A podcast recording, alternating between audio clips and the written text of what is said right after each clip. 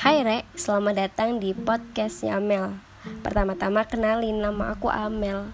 Di podcast pertamaku ini aku mau ngebahas dikit nih tentang bisnis. Nah, topik yang aku angkat yaitu bagaimana disrupsi yang diakibatkan oleh lingkungan yang berubah Terutama dipicu oleh krisis seperti saat ini Sehingga melahirkan pemimpin pasar dan teknologi yang baru Nah, aku akan ngebahas salah satu bisnis catering yang ada di Indonesia yang udah bertaraf internasional. Oke, mari kita mulai ya penjelasannya. Dampak pola konsumsi yang tidak baik bagi tubuh pada era kenormalan baru dapat memicu empat hal. Yang pertama, stunting yaitu kondisi gagal pertumbuhan tubuh dan otak pada anak diakibatkan kekurangan gizi dalam waktu yang lama. Yang kedua ada obesitas, yaitu kondisi kelebihan berat badan karena adanya penumpukan lemak pada tubuh. Yang ketiga adanya underweight, yaitu keadaan kekurangan gizi yang terjadi akibat kurangnya asupan zat gizi. Yang keempat adanya wasting, yaitu kon kondisi kekurangan gizi akut yang banyak terdapat di daerah dengan sosial ekonomi yang rendah yang dapat disebabkan absumsi asupan nutrisi dan terjadi penyakit. Untuk mengantisipasi semua itu, masyarakat dalam cakupan luas di sini setiap orang memenuhi makanan bergizi untuk menjaga kesehatan tubuh pada masa pandemi. Pasokan gizi seimbang bisa memainkan peran peran penting dalam memperhatikan kondisi tubuh agar tetap sehat. Nah, kemudian gizi yang tepat dapat mencegah banyak masalah penyakit termasuk obesitas serta risiko penyakit menular dan tidak menular. Juga dibutuhkan dukungan dari orang sekitar untuk pembiasaan makanan sehat dan olahraga teratur untuk menjaga kesehatan tubuh tentunya. Selanjutnya, kesadaran masyarakat untuk mengkonsumsi makanan sehat saat ini semakin besar. Pasalnya, selain menjadi sumber energi, mengkonsumsi makanan sehat juga dapat menurunkan resiko terkena penyakit serius, mulai dari diabetes, hipertensi, masalah jantung, obesitas, hingga kanker. Konsumsi makanan sehat tiap hari sangat direkomendasikan untuk mencukupi pertumbuhan gizi harian. Nah, hal ini sebenarnya tidak sulit ya untuk dilakukan karena pilihan makanan itu kayak sangat banyak gitu kan makanan sehat yang baik untuk dikonsumsi setiap hari dan banyak banget ragamnya. Di sini aku ngambil salah satu perusahaan dari startup yang menyakup kesehatan teknologi yaitu Cory Groveman. Dia mengoperasikan dapur terbaru dengan kapasitas produksi tiga kali lebih besar daripada biasanya dan memperoleh sertifikat ISO 22000 2005 sekaligus Hazard Analysis, Analysis and Critical Control Point. Nah, dengan adanya sertifikat tersebut, Cory Groveman menjadi startup kuliner online pertama di Indonesia yang memiliki standar keamanan pangan terbesar bertaraf internasional. Nah, dapur yang super higienis didukung oleh staf profesional mulai dari penanganan bahan mentah hingga pengolahan produk merupakan cara Gory Government memastikan kualitas layanan catering yang bertaraf internasional.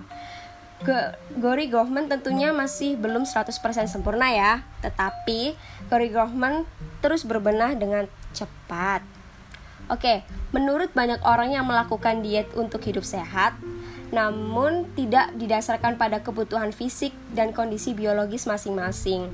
Nah, diet sehat merupakan hal yang sangat direkomendasikan oleh Badan Dunia WHO.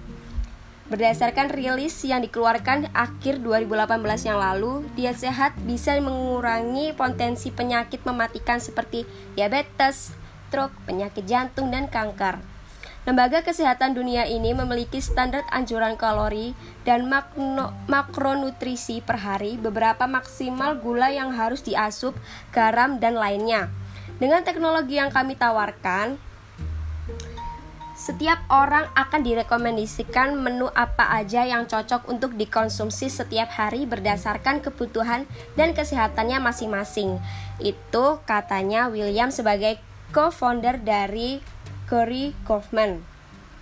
Dan itu termasuk data internal perusahaan.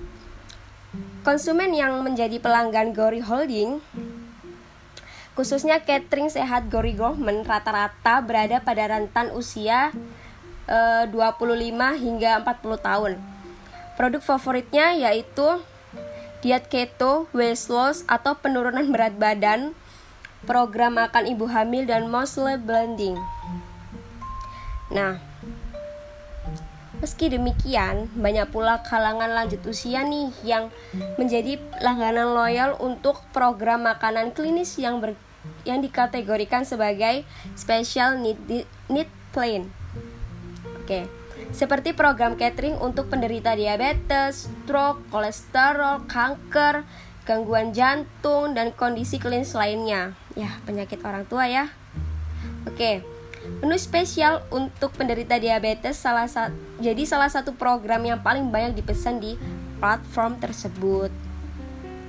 Nah, sekarang kita bakal ngebahas tentang apa itu disrupsi. Disrupsi ialah inovasi yang menggantikan teknologi lama dengan teknologi digital yang menghasilkan sesuatu yang benar-benar baru, efisien, dan juga lebih bermanfaat. Nah, di sini di saat yang bersamaan co-founder dan CEO dari Gori Holding Herman Budiman menambahkan bahwa makanan sehat dan bergizi tidak lagi menjadi perhatian individu atau keluarga saja, namun juga sudah menyasar ke segmentasi korporasi dan bahkan rumah sakit.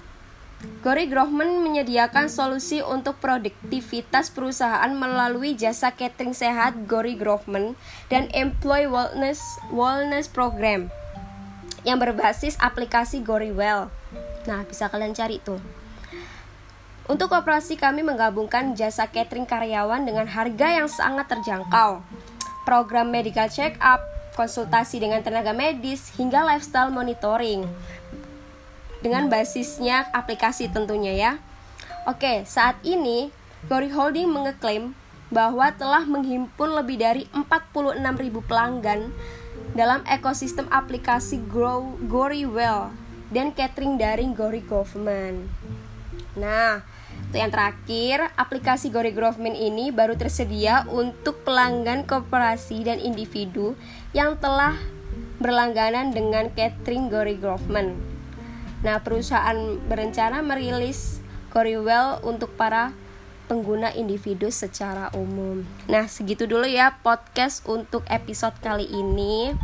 Maaf nih kalau misalnya uh, aku kurang riset dalam podcast ini. Maaf banget gitu ya. Ya udah kita akhiri aja. Maaf maaf kalau ada salah kata. Kita ketemu di episode selanjutnya. Dadah